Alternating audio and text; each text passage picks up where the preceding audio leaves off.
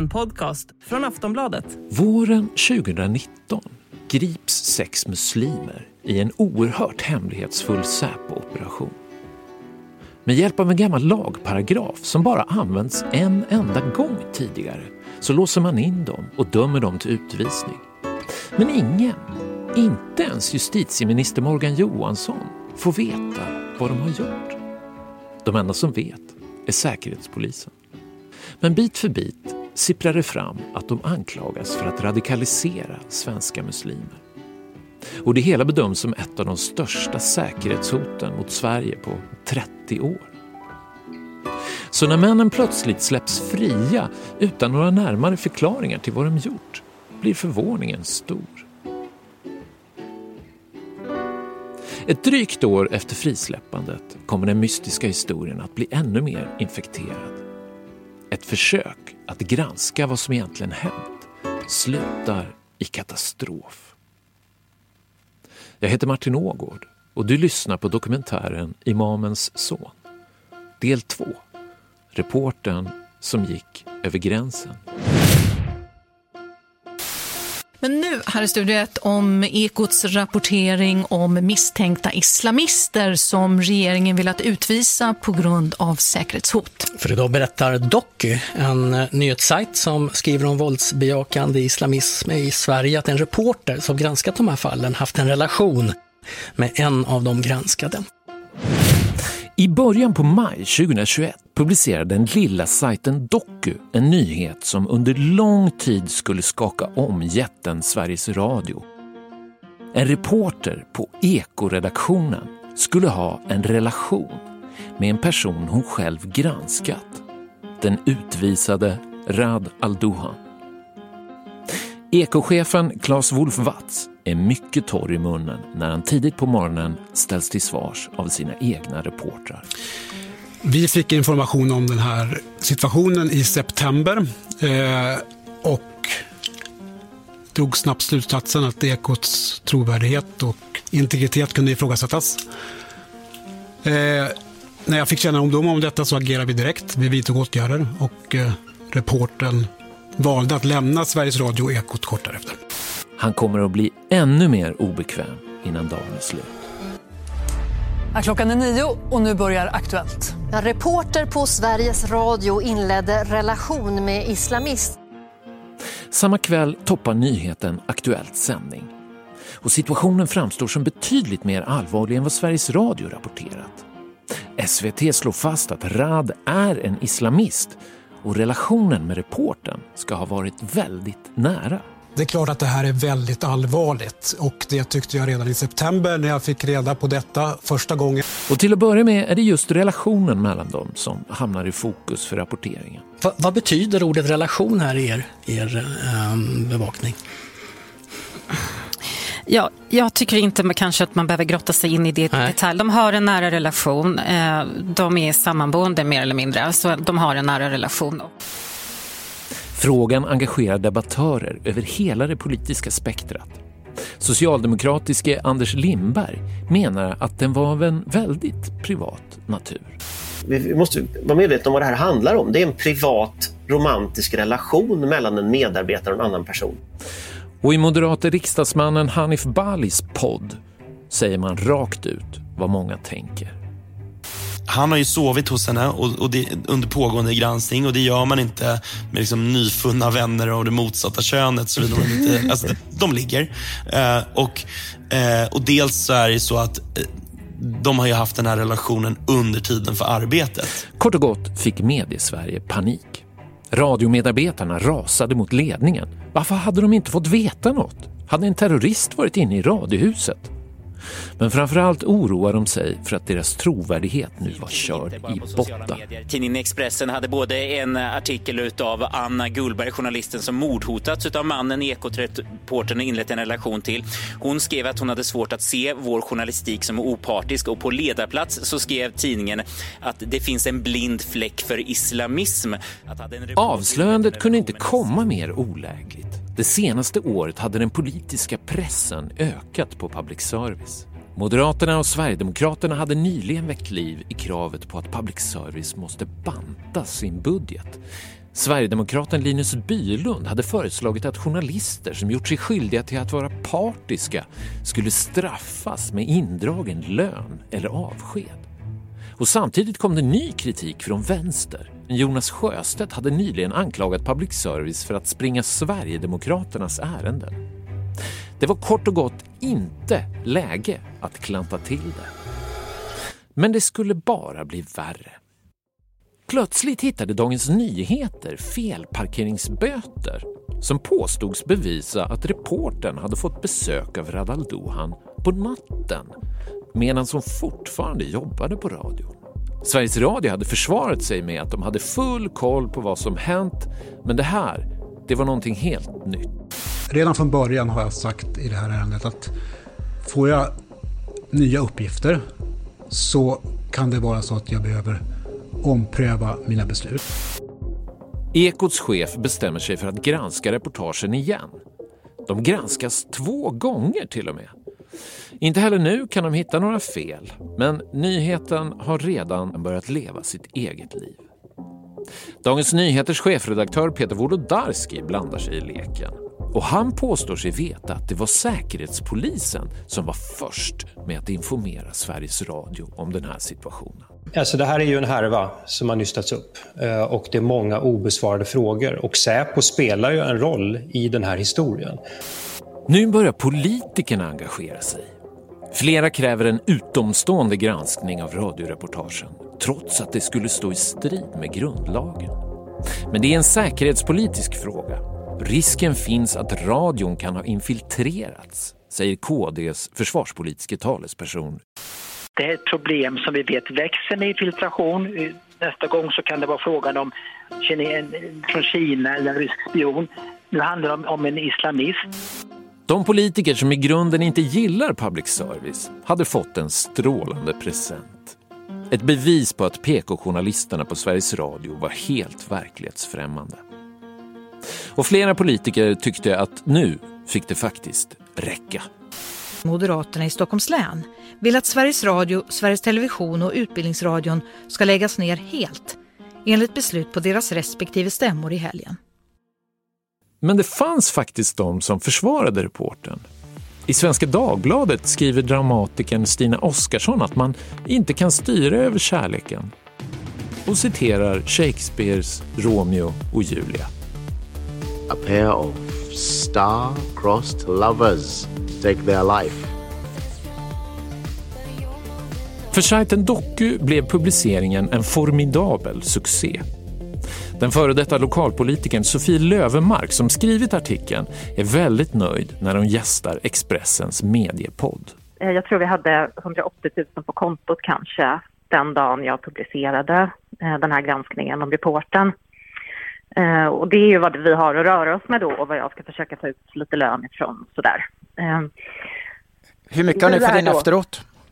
Vi, det sista jag hörde var att vi hade fått in över 600 000. Oj, mm. grattis! Ja, men tack.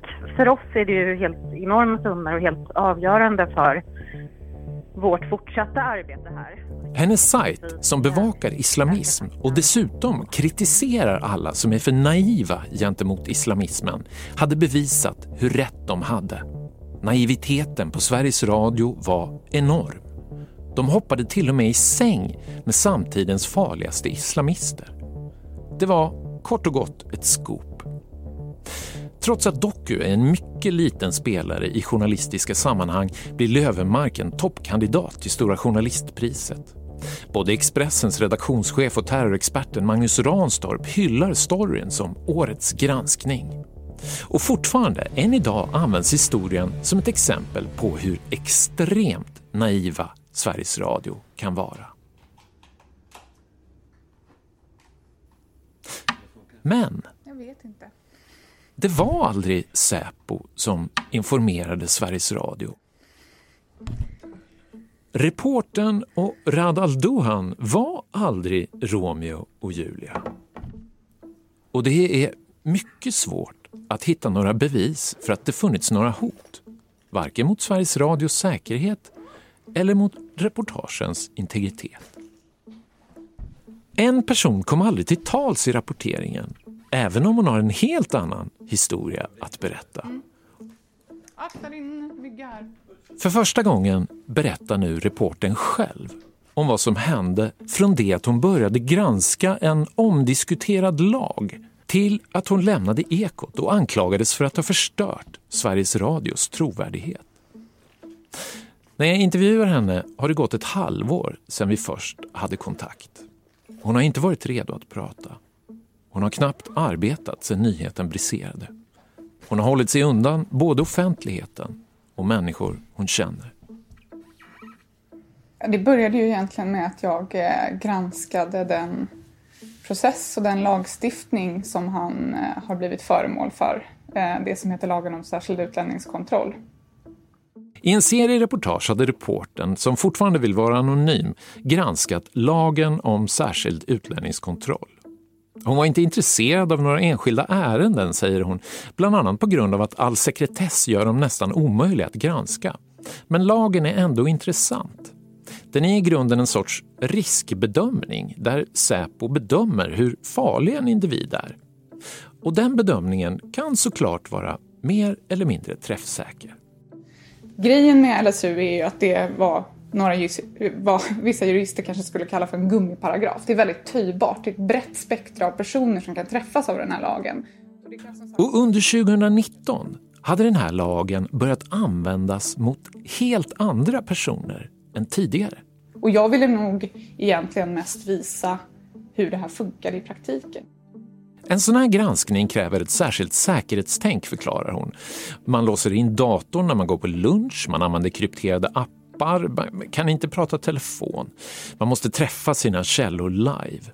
Vissa individer hon granskar är avlyssnade och även rumsavlyssning förekommer, så det måste man tänka på. Och på grund av rumsavlyssningen så kan man inte lita heller fullt ut på de krypterade apparna. Och det finns en säkerhetsaspekt till. Vissa personer som man pratar med får man ju också göra en säkerhetsbedömning av. De är ju kanske källor, men de är också personer som man själv behöver fundera över. Kan den här personen innebära en risk för mig? Eller för Sveriges Radio? Alltså vissa av de här personerna har jag åkt hem till. Andra personer har jag inte känt mig bekväm med att åka hem till. Och i vissa fall har jag då fått hjälp med att, alltså av Sveriges Radio, med att ordna externa lokaler som man kan träffa personer med. Alltså det är svårt att träffa någon på ett café och prata om sådana här saker. Utan du måste ju sitta i en miljö där du med någon typ av eh, träffsäkerhet kan reda dig för vilka som lyssnar. Under hennes granskning satt Radal Duhan fortfarande i häktet i Sollentuna utan kontakt med omvärlden. Men det är otroligt viktigt att säga det att den absoluta majoriteten av den här granskningen den gjorde jag i, och publicerade i ett skede där jag aldrig någonsin hade haft kontakt med honom överhuvudtaget. Men han kom in i granskningen ungefär kanske en månad efter att jag publicerade den merparten av granskningen. Jag hade då kommit över ehm, det här, äh, den sekretessbelagda delen av yttrandet eh, från Migrationsöverdomstolen i Prahads ärende. Ja, det är mycket hemliga papper i det här ärendet och det här är alltså den hemliga delen av Migrationsöverdomstolens yttrande. Bilaga B heter den. Och där stod en formulering som var det skarpaste hon läst i sådana här sammanhang. Det tyckte även personen på redaktionen som jag bollade det här med. Att det som stod i det där yttrandet var, eh, det var en ny dimension av det här. Det var den här grejen som reporten och hennes kollegor reagerade på. Migrationsöverdomstolen skriver att Säpo inte gett några citat närmare beskrivningar. Slutcitat. Eller citat konkreta uppgifter. Slutcitat. Om det Rad anklagas för. Jag, jag, blev lite förvånad när jag läste det här, som sagt, för jag hade aldrig läst en sån här skarp formulering och jag trodde kanske inte att det var så här eh, lite, om man ska säga, som Migrationsöverdomstolen fick ta del av. Och jag hade ju som sagt sett andra exempel på när Migrationsöverdomstolen pratar om konkret information. Och här pratar man ju om brist på beskrivningar. Vilket ju inte ens är bevisning. Beskrivning är ju liksom, det är ju ytterligare detaljer kring ett påstående. Men det står en sak till i bilaga B. Det står vad Säpo anklagar honom för. Eller snarare vad de bedömer att han är. Det är precis så de skriver nämligen. De bedömer att han ingår i ett internationellt nätverk som bedriver våldsbejakande islamism och att en stor del av nätverkets verksamhet riktar sig mot barn och unga. Rad al-Dohan bedöms vara en tongivande person i det här nätverket. Men helt säkra är uppenbarligen inte Säpo. Alltså det här handlar ju om en anklagelse om att han på något sätt genom sin kontakt med barn och unga så är han en knutpunkt mellan sin pappas moské och barn och unga. Så att han genom den här kontakten på något sätt förser moskén med liksom barn och unga. Och sen vad som händer i moskén, det, det framgår inte riktigt i Rads ärende utan det, då får man nog titta vidare på Riads ärende som jag inte har granskat. Rad påstod ju själv att eh, jag har absolut inte bland, alltså jag har inte ägnat, jag har inte pratat om moskén, jag har inte pratat om religion eller någonting sånt här i mina verksamheter utan i mina verksamheter så är det fokuserat på det som verksamheten handlar om, det vill säga idrott och kulturverksamhet. Hon började ringa runt för att kontrollera om Rad ljög. Alltså det hade ju kunnat vara så att det var ett telefonsamtal bort så sa någon att Nej, men han har försökt rekrytera mig till den här moskén. Det var ju bland annat därför, man, därför jag tog kontakt med olika personer som själva har tränat i eller på annat sätt varit verksamma i de här föreningarna han har haft genom åren. Men vad hittar du när du pratar med alla de här människorna? Jag hittar ju det som är redovisat i reportaget. Men av dem jag pratade med så hittade jag inte stöd för det här. Jag hittade en person som har varit i kontakt med de här verksamheterna men som inte själv har varit hur ska man säga, målgruppen för den här påstådda rekryteringsverksamheten. Det är en vuxen person som ju då menar att Rad en gång för under den tiden han bodde i Umeå i sitt hem vid något tillfälle skulle han ha visat en jihadistvideo och då eh, skulle det ha funnits ungdomar närvarande. Det kanske är jättetydligt för andra vad en jihadistvideo är men eh, jag, eh, jag vet inte exakt vad... Alltså jag tänker att det skulle kunna vara ganska mycket saker. Det låter ju inte särskilt bra. Det kan jag hålla med om. Men vad det är för någonting, det, det, det kunde jag inte få fram. Alltså jag kunde inte få någon uppgift om vad det konkreta innehållet i den här jihadistvideon är. Och jag har heller inte kunnat hitta några andra personer som var med vid det här tillfället. Men jag har pratat med ungdomar som, eh, som kom i kontakt med Rad i hans verksamhet vid samma tidpunkt. Och de berättar ju ungefär samma sak som de andra ungdomarna jag pratar med berättar. Det vill säga att de, de har inte sett någonting från Rad som de har reagerat på. Uppgiften om jihadistvideon har jäckat Rad sedan 2019 då den först dyker upp i en tidningsartikel i Gefle Dagblad. Själva händelsen ska ha inträffat runt 2005 ungefär, långt innan IS-videos blev ett fenomen, så det var ingen halshuggning. Men enligt en källa till tidningen ska han under sin tid som ungdomsledare i Umeå ha pratat om Osama bin Laden och visat just en jihadistfilm. Inte så att han predikade, utan han låtsades som att det var på skoj, säger källan till tidningen. Själv har han inget minne av att han skulle gjort något sånt. Enligt källan hade han även talat väl om sin pappa och kallat honom Europas största imam. Det kanske inte i första hand är hans egna värderingar som ifrågasätts utan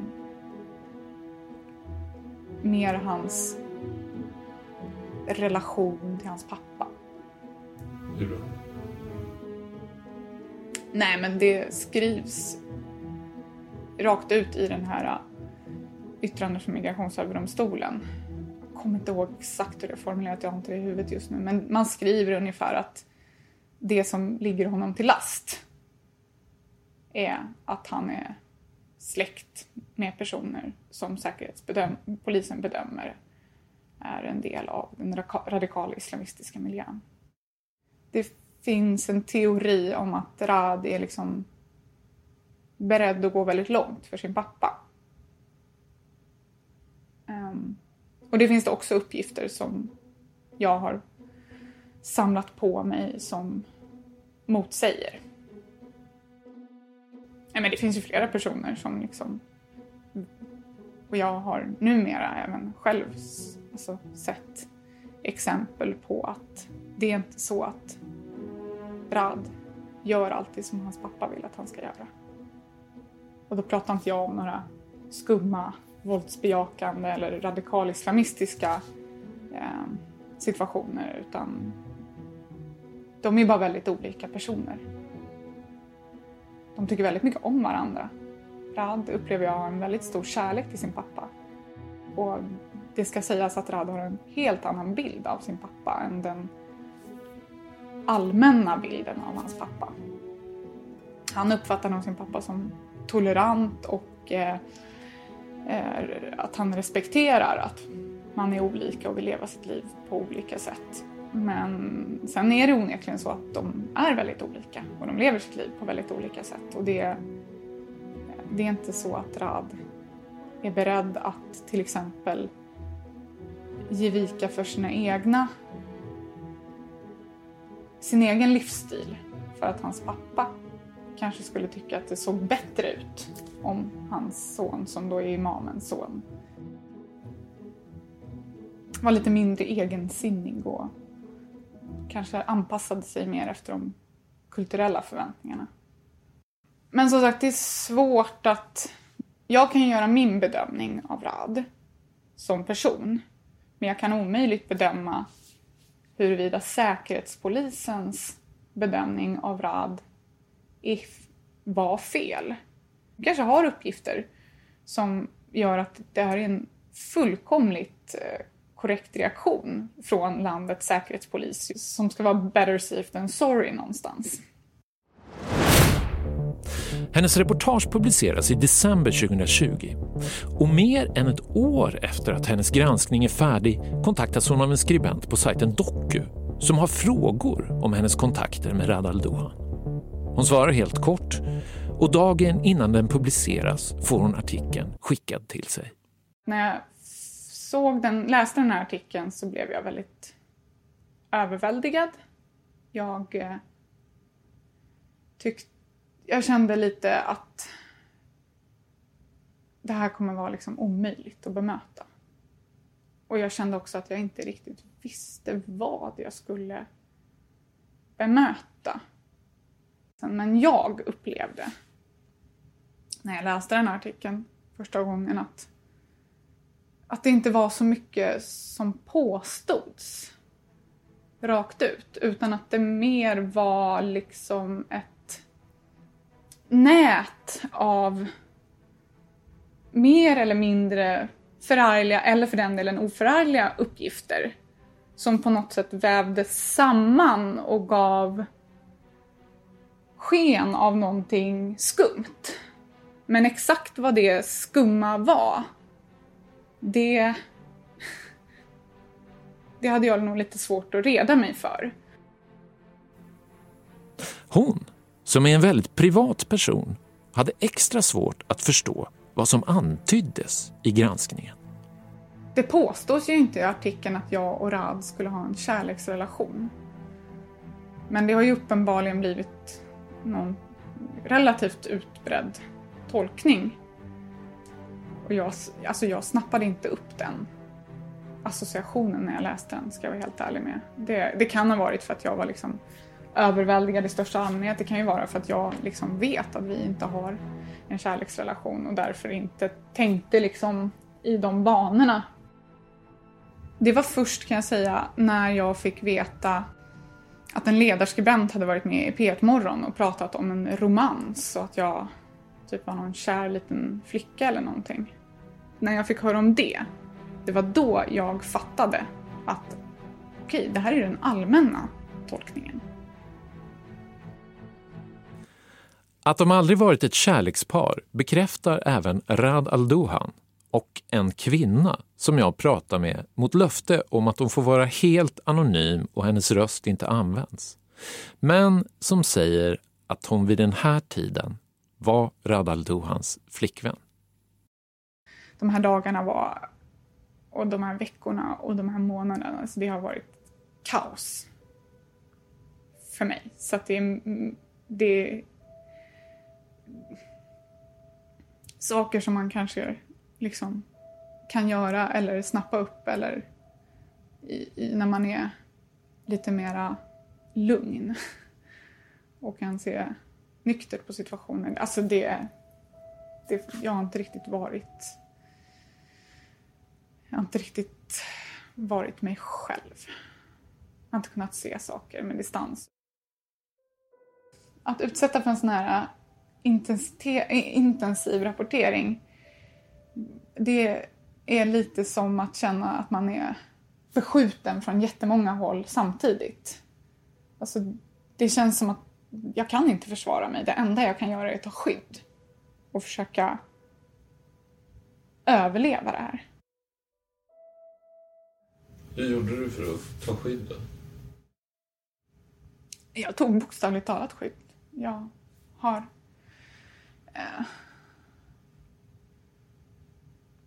jag har varit...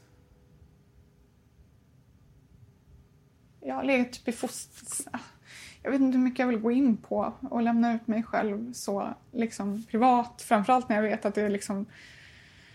Så blir det oh buhu, snyfthistoria, hon tycker så synd om sig själv. Det är inte det det handlar om liksom. Jag har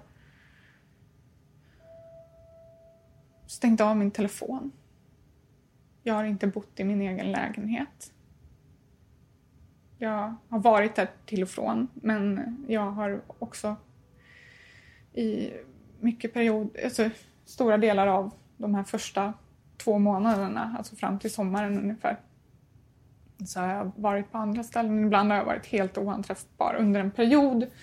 Jag vet inte exakt, kanske en, en och en halv vecka efter att den här publiceringen, då blev allting så pass mycket för mig så att jag var tvungen att liksom så jag var inte längre... Jag vill inte säga exakt var jag var eller vad det var som hände men jag var inte längre tillgänglig helt enkelt. För någon annan. Varken mina vänner eller min familj. Liksom. Min mamma visste vad jag var. Och min pappa visste vad jag var. Uh, och uh, kompisar till mig hörde av sig till min mamma och undrade liksom var är, var är hon? Och, och så. så att, uh, men jag var liksom tvungen att helt och hållet... Eh, för personer som kanske betraktar det här utifrån så... Och det finns även sådana personer i min närhet som har tyckt liksom, men varför tar du inte strid? Varför bemöter du inte det här? Varför? Men det, ibland hamnar man i lägen i livet där det finns liksom mer akuta saker att hantera än upprättelse. Men vad är då sant i artikeln egentligen? Ja, jag kanske ska berätta lite om hur, hur jag har hamnat här med RAD. Eh, nej men det, jag gjorde ju som sagt den här eh, publiceringen det var i december. Alltså som sagt, den allra största delen av granskningen som då inte specifikt rörde Rads ärenden publicerades och gjordes i ett skede där vi aldrig någonsin hade haft kontakt och där han satt på en häktesanstalt. Sen så kom han ut och jag tog kontakt med honom för att jag ville göra det här reportaget och han ville vara med i det reportaget och vi hade ganska mycket kontakt. Reportaget om Rad blev långt för att vara radio, men ändå bara 17 minuter. Och efteråt kände hon att det fanns mer att berätta. Oavsett vad man tycker om Rad som person så har han ju liksom ett intressant livsöde. Han kom till Sverige när han var 11 år gammal med hela sin familj. Han eh, ska efter 25 år i det här landet utvisas till ett land som han ju förutom språklig anknytning i princip inte har någon anknytning till alls. Hur ska man säga? Rad har ju, som han själv beskriver eh, i sin 20-årsålder, försökt ta sig härifrån. Inte för att han tycker illa om Sverige i första hand, utan för att han har haft drömmar om att göra liksom fotbollskarriär utomlands och sådana där saker. Men har ju inte kunnat göra det eftersom att han ju inte har ett pass. Man brukar prata om det här med mellanförskap som ju liksom är mer en vidare mentalt tillstånd. I Rads fall så är ju mellanförskapet ett praktiskt tillstånd. Han är inte välkommen här, men han har ingen möjlighet att ta sig någon annanstans.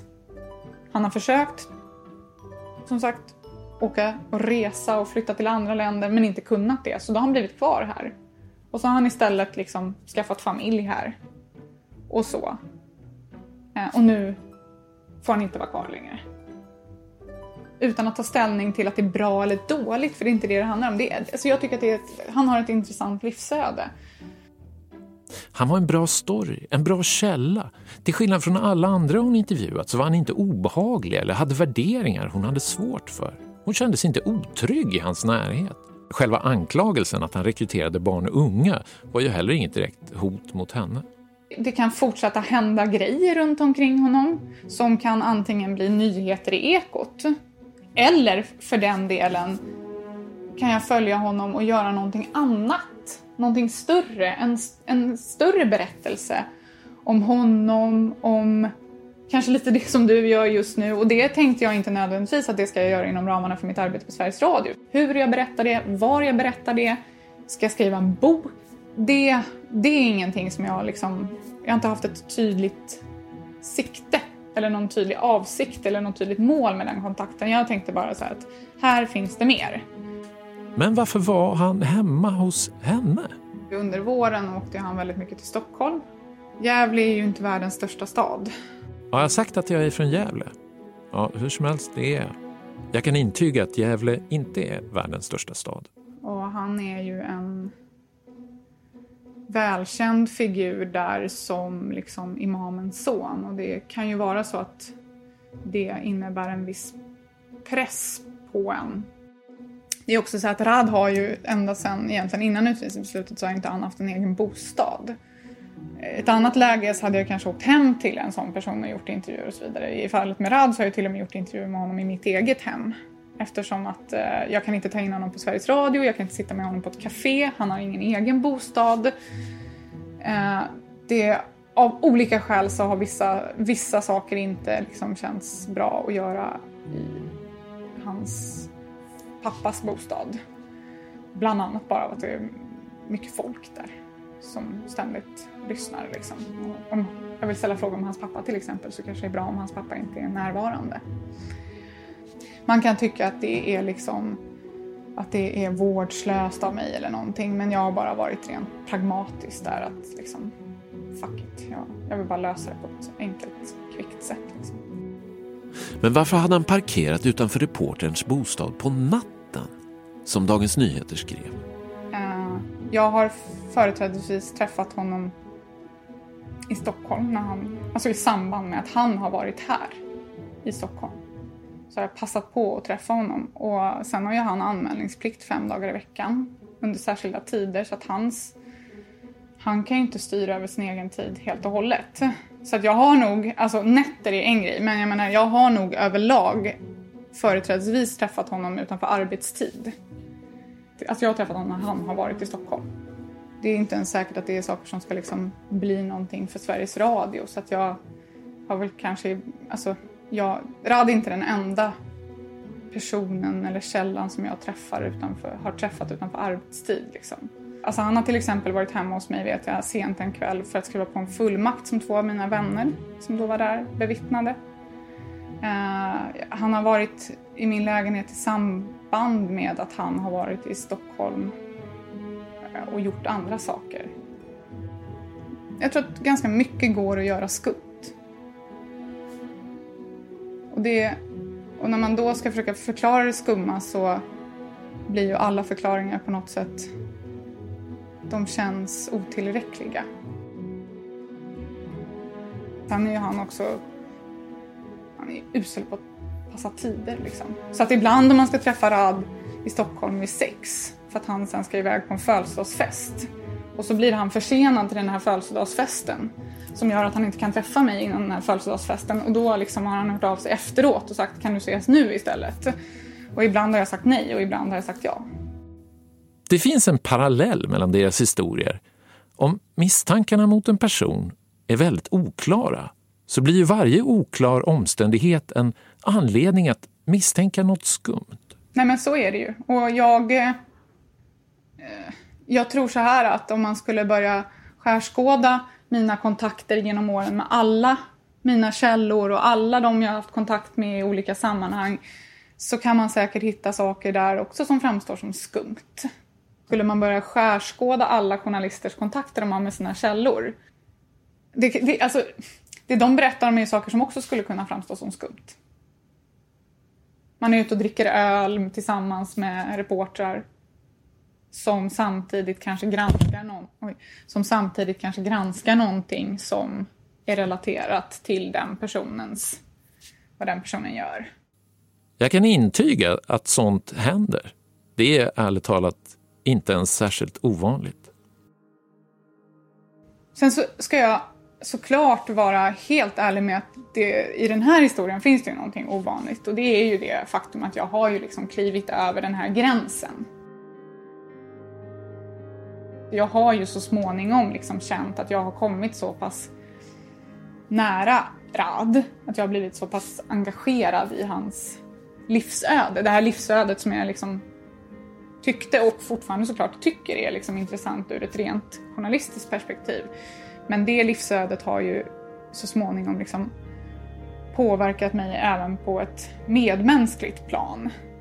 På ett sätt där jag har känt att vissa principer och uppfattningar och en, även en integritet jag har som person har liksom kommit lite kant med mig som journalist. Hon började värdera hans liv som människa snarare än som journalist, säger hon. Och hennes sympatier för honom ökade ju mer ansträngt hans liv blev. Han kunde ju inte jobba och han hade ingen bostad. Ja, i den tekniska definitionen så är han hemlös och har varit hemlös. Sen så har han inte sovit på gatan, men han har inte, han har inte, en, han har inte en fast bostad. Har inte haft så länge som jag har haft kontakt med honom. Jag har ju observerat det här under en längre tid. Och när ens första instinkt är kanske så här, shit, det här ska man göra journalistik om. Så har det ju liksom successivt mer och mer känts ja, men så har jag blivit mer drabbad av det på ett personligt plan. Och sen så småningom så tyckte jag, och det var under, framförallt under sommaren 2020 så tyckte jag att då blev det liksom nästan kaotiskt i Rads liv. Då hade han en eh, riktigt dålig boendesituation. Han hade sina grejer i bilen. Han bodde inte i sin bil ska jag säga, men han hade liksom grejer i bilen. Duschade på ett ställe, gick till gymmet och var väldigt mycket på gymmet under dagarna liksom. Och sen så sov han eh, ganska trångbott hos en kompis på en madrass. Inget fel på madrasser, men, men bodde jävligt trångt. Och framförallt kändes det som att han började liksom tappa gnistan lite. Jag uppfattar ju Rad som en person som inte så gärna vill visa svaghet. Han vill hellre prata om samhället än om sig själv. Jag uppfattar att han vill liksom på något sätt manifestera kanske för regeringen och kanske för Sverige och kanske för Säkerhetspolisen att så här, ah, ni har minsann inte krossat mig liksom. Det, det, är en styrka i den här situationen han befinner sig i just nu att han är inte som jag en han är inte en grubblare, han är inte en ältare, han är inte en överanalytisk person om man säger så. Han är inte särskilt analytisk alls. Han har ganska dåligt konsekvenstänkande tycker jag han kan ju skaka av sig saker snabbare och lättare än vad jag till exempel kan som ju gräver ner mig i min egen olycka. Men den sommaren där så kände jag... Alltså det jag kände att han höll på och lite så här... Jag ska inte säga tappa hoppet, men det var en annan person som kändes mycket mer liksom pressad och drabbad av sitt ganska värdelösa liv. Men det finns en sak hon ångrar. Sista gången hon är med i radion och pratar om lagen om särskild utlänningskontroll är sommaren 2020. Hon är då posterad utomlands och rapporterar från Turkiet och Libanon. En dag kommer nyheten att Rads pappa överklagat sitt ärende till Europadomstolen och hennes kollega i Stockholm ringer upp och ber henne medverka i direktsändningen. Så jag blev liksom lite tagen på sängen, jag visste inte hur jag skulle hantera situationen. Jag blev försäkrad om att jag bara skulle prata om min egen granskning. Jag tycker inte att det de facto finns några problem egentligen med att jag pratar om min egen granskning. Jag tycker att jag... Alltså det är ju på något sätt fakta om man säger så. Det är inte en åsikt som jag har tagit fram.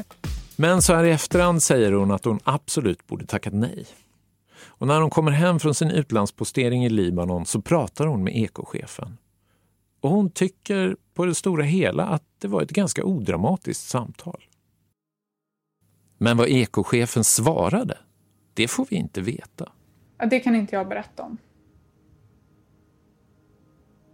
Därför att?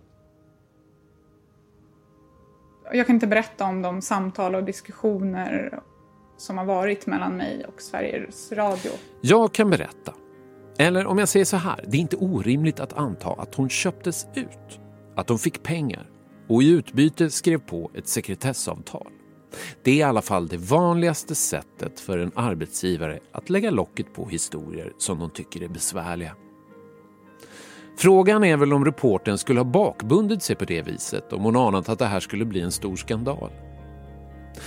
Reporten uppfattade hur som helst att hon och Sveriges Radio skildes åt som vänner. Och chefernas reaktion efter Dokus artikel chockade henne fullständigt. Den tog mig på sängen helt och hållet. Den eh, motsvarar inte riktigt det tonläge som har varit mellan mig och Sveriges Radio. Att hon i efterhand började bry sig om människan bakom rubrikerna det var ingenting som kunde komma i konflikt med hennes reportage, säger hon. Den omständighet att jag tycker att Rad har rätt till ett bättre liv så länge han åtminstone är i Sverige. Eh, och den omständigheten att jag kanske inte... Att jag gör en annan bedömning av vem Rad är som person än vad Säkerhetspolisen gör. Jag känner ju för sig dock inte exakt till vilken bedömning de gör av honom. Men, men om, vi, om vi tar den här allmänna bilden av att han är en radikal islamist. Jag har en helt annan bild av honom. Jag bedömer inte att han är en radikal islamist. Men den omständigheten, det är inte per automatik någonting som går att översätta till att jag har liksom gjort något, att jag säger som sagt att den här lagen är åt helvetet. Det säger inte jag alls. Och jag tycker liksom att det är rimligt i ett demokratiskt samhälle att man måste kunna prata om de här svåra avvägningarna. Under min intervju är reporten väldigt noga med att understryka en sak. Hon återkommer till det flera gånger. Hon har aldrig försökt undanhålla något från Ekot. Eller bett dem undanhålla något, säger hon. Hon har aldrig velat sopa något under mattan. Att ekochefen försökt ge sken av att hon dolt saker, det gör henne väldigt upprörd. Hon tillbakavisar det med bestämdhet. Det här handlar inte om en romans. Det handlar inte om att jag har missbrukat min roll som journalist. Det handlar inte om att jag har äventyrat Sveriges Radio eller Ekots redaktionella integritet. Utan det här handlar om en svår situation där jag som journalist har på något sätt kommit i en krock med jag som människa. Hon säger att hon aldrig ljugit eller gjort reportage i maskopi med någon eller ens äventyrat radions säkerhet. Radan har som sagt aldrig ens varit inne på Sveriges Radio, i alla fall inte i sällskap med mig. Jag har försökt göra rätt. Och det är klart att tycker man att nej men det får under inga omständigheter förekomma överträdelser i den här journalistrollen. Då har jag gjort fel.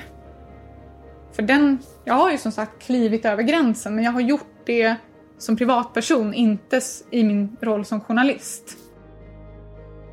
Så var det alltså inte Säpo som informerade Sveriges Radio? Det var ju jag som informerade Sveriges Radio och utifrån deras reaktion så skulle jag säga att det här inte var någonting som de kände till sedan tidigare. Alltså jag kanske har högre tankar om Säkerhetspolisen än vad andra har men eh, det är ju så här att det är en, det är en myndighet som sitter på ganska vassa och långtgående verktyg som är väldigt integritetskänsliga. Och det vore ju häpnadsväckande om Säpo liksom skulle ha använt de här verktygen som ju de som sagt har tillgång till för att skydda rikets säkerhet för att försöka komma åt mig. Vad hon säger är att om Säpo skulle avlyssnat och kartlagt en journalist på Sveriges Radio så skulle det vara en riktig jävla skandal. Hur som helst, det finns en person till i den här historien.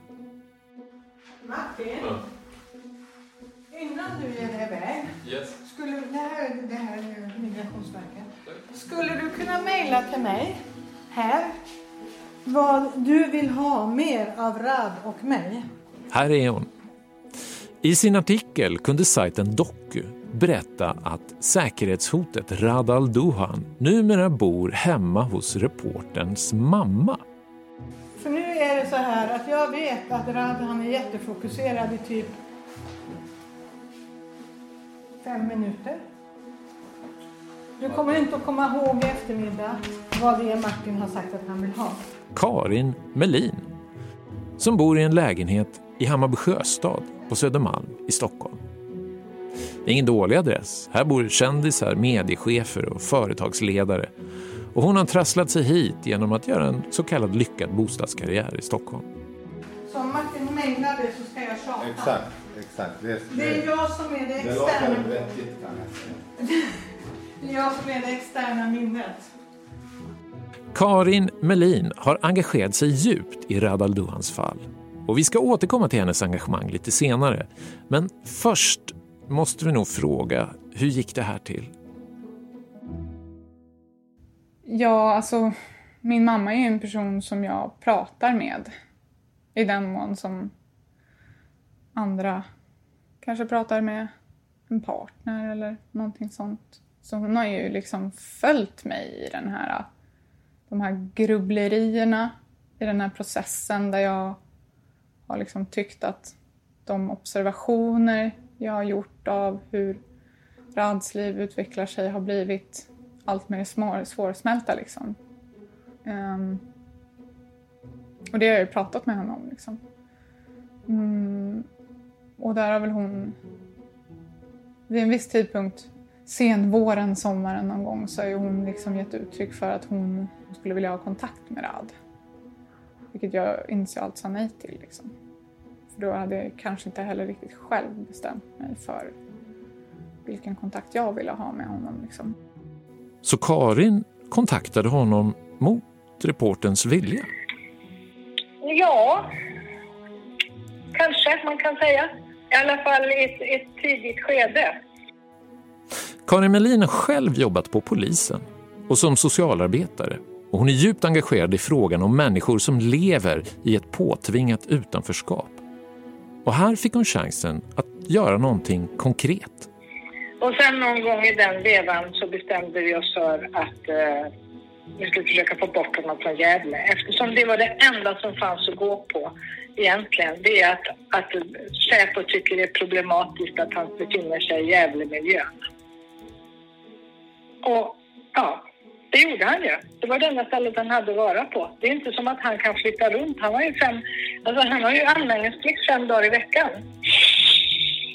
Då bestämde vi oss för att han fick folkbokföra sig på vår adress. Vi har ett gästrum som han förfogar över. Han bor ju, och det har han säkert berättat för dig också, att han åker till Gävle på helger. Ja, jag har ju träffat Ja. honom i Gävle där på den här. Ja, han åker till Gävle för att hälsa på sin son. Han har en del kamrater. Han har en bror neråt Södertälje. Så det är ju inte så här att man kan liksom inte säga att Radal Doan har en fast adress. Men man kan säga att han har sin huvudsakliga adress då hos oss. Jag älskar min mamma jättemycket men vi är inte samma person och vi har inte bott tillsammans sedan jag var 18 år gammal. Och vi har olika syn på saker och ting. Vi har olika syn på den här frågan. Jag kanske har synpunkter på hennes agerande i det här men det är ingenting som jag... Det, det tar jag med henne. Men jag tror, jag tror att det var så att när jag nekade henne kontaktuppgifter så tror jag att hon skickade ett vykort till honom. Det fick jag reda på sen.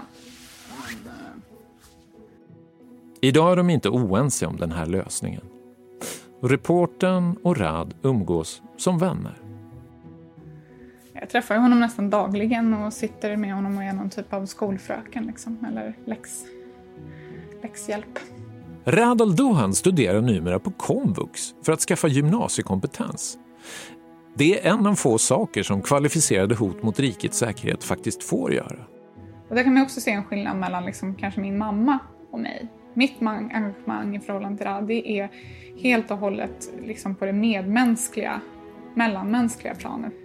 Jag har inte lust och jag känner heller inte riktigt att det är möjligt och min plats att vara någon som kampanjar eller är liksom en engagerar mig i hans ärende eller i liksom hans olika processer. Däremot kan jag hjälpa honom, jag kan stötta honom som en vän. Liksom. Hur ofta reflekterar du över att det här då är en individ som har klassats som ett hot mot Sverige? Ganska ofta. Men kanske inte riktigt på samma sätt som alla andra reflekterar över det. Jag tror att jag och en del andra personer som ser Rad mycket i vardagen. Vi slås nog mer av liksom det som vi upplever kanske är liksom det lite absurda i situationen. Jag och jag vet även några andra av Rads kompisar kan ju liksom skämta om att eh, liksom, när man sitter och gör de här vansinnigt vardagliga sakerna som att hjälpa någon med en matteläxa liksom. Så kan man ju fundera över, liksom, är det någon stackare på, på Säkerhetspolisen som har i uppdrag att liksom bevaka det här? Det kan inte vara det mest prestigefyllda jobbet.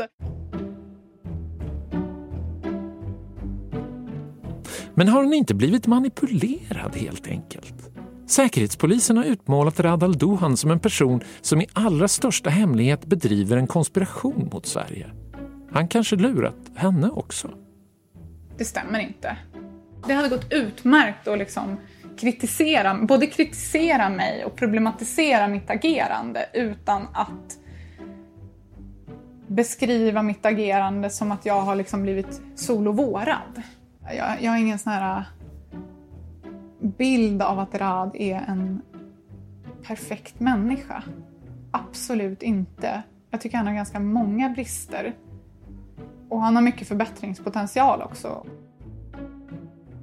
Hennes agerande handlar inte heller om att hon har några som helst sympatier för islamister, säger hon.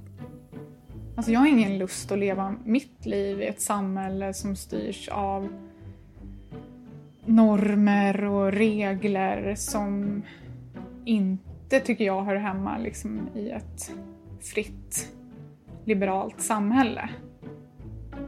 Eh, jag har inte heller lust att leva i något religiöst förtryck eller i något kulturellt förtryck om jag ska vara ärlig. Jag tror liksom att jag är väl bland de första som skulle ryka i ett sånt sammanhang. Jag, det är inte som att jag säger att jag stöttar det som Rad är anklagad för. Det jag säger är att jag tror inte riktigt på de här anklagelserna. Vad har det fått för konsekvenser för ditt liv? Det känns som att jag har förlorat mig själv lite i det här. Alltså, jag är lite obekväm med att vara alltför privat och personlig men ja, det kanske finns en poäng med att vara det. Men, eh, men jag känner att jag har förlorat mig själv. Jag är en person som är rädd. Som sagt, jag är rädd för telefonen jag inte känner igen. Jag är rädd för kuvert utan avsändare. Jag är rädd för plingande på dörren som jag inte... Även fast jag har blivit bättre så känner jag mig fortfarande paranoid. Jag brukar tänka på eh, sommaren 2018 så var det en av, en av mina bästa kompisar gifte sig då och jag var brudtärna i hennes bröllop. Och jag höll ett, eh, ett tal under bröllopsmiddagen och folk skrattade och jag var rolig och träffsäker och när jag tänker på den personen idag också och jämför den med vem så känns det väldigt svårt att, att det är jag, eller att det var jag. För den...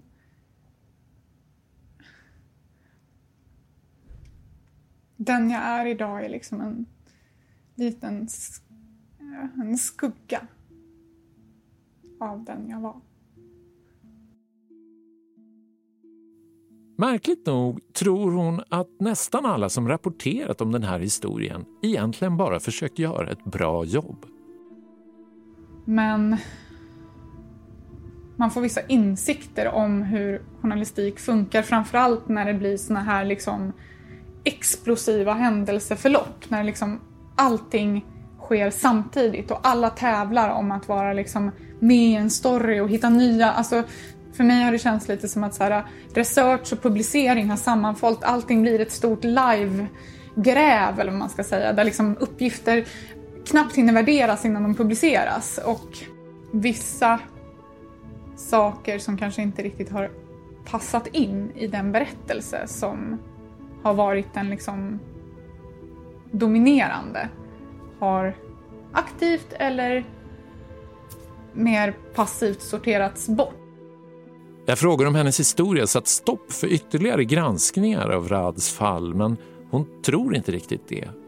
Det är andra saker som står i vägen. Redan när jag gjorde den här granskningen så har jag eh, fått en del reaktioner eller liksom mött en del attityder även internt som, jag, som har förvånat mig lite. Typ varför hålla på med det här? Och jag har även i något fall liksom fått höra att ja, men det är väldigt viktigt att det inte uppfattas som att vi ställer oss på fel sida i det här stora civilisationskriget som de här frågorna i någon mån är. Liksom. Vissa samhällsfrågor blir så extremt laddade så att det är nästan omöjligt att liksom se alla nyanser det finns liksom en god sida och en ond sida i det här och nu ska du välja sida.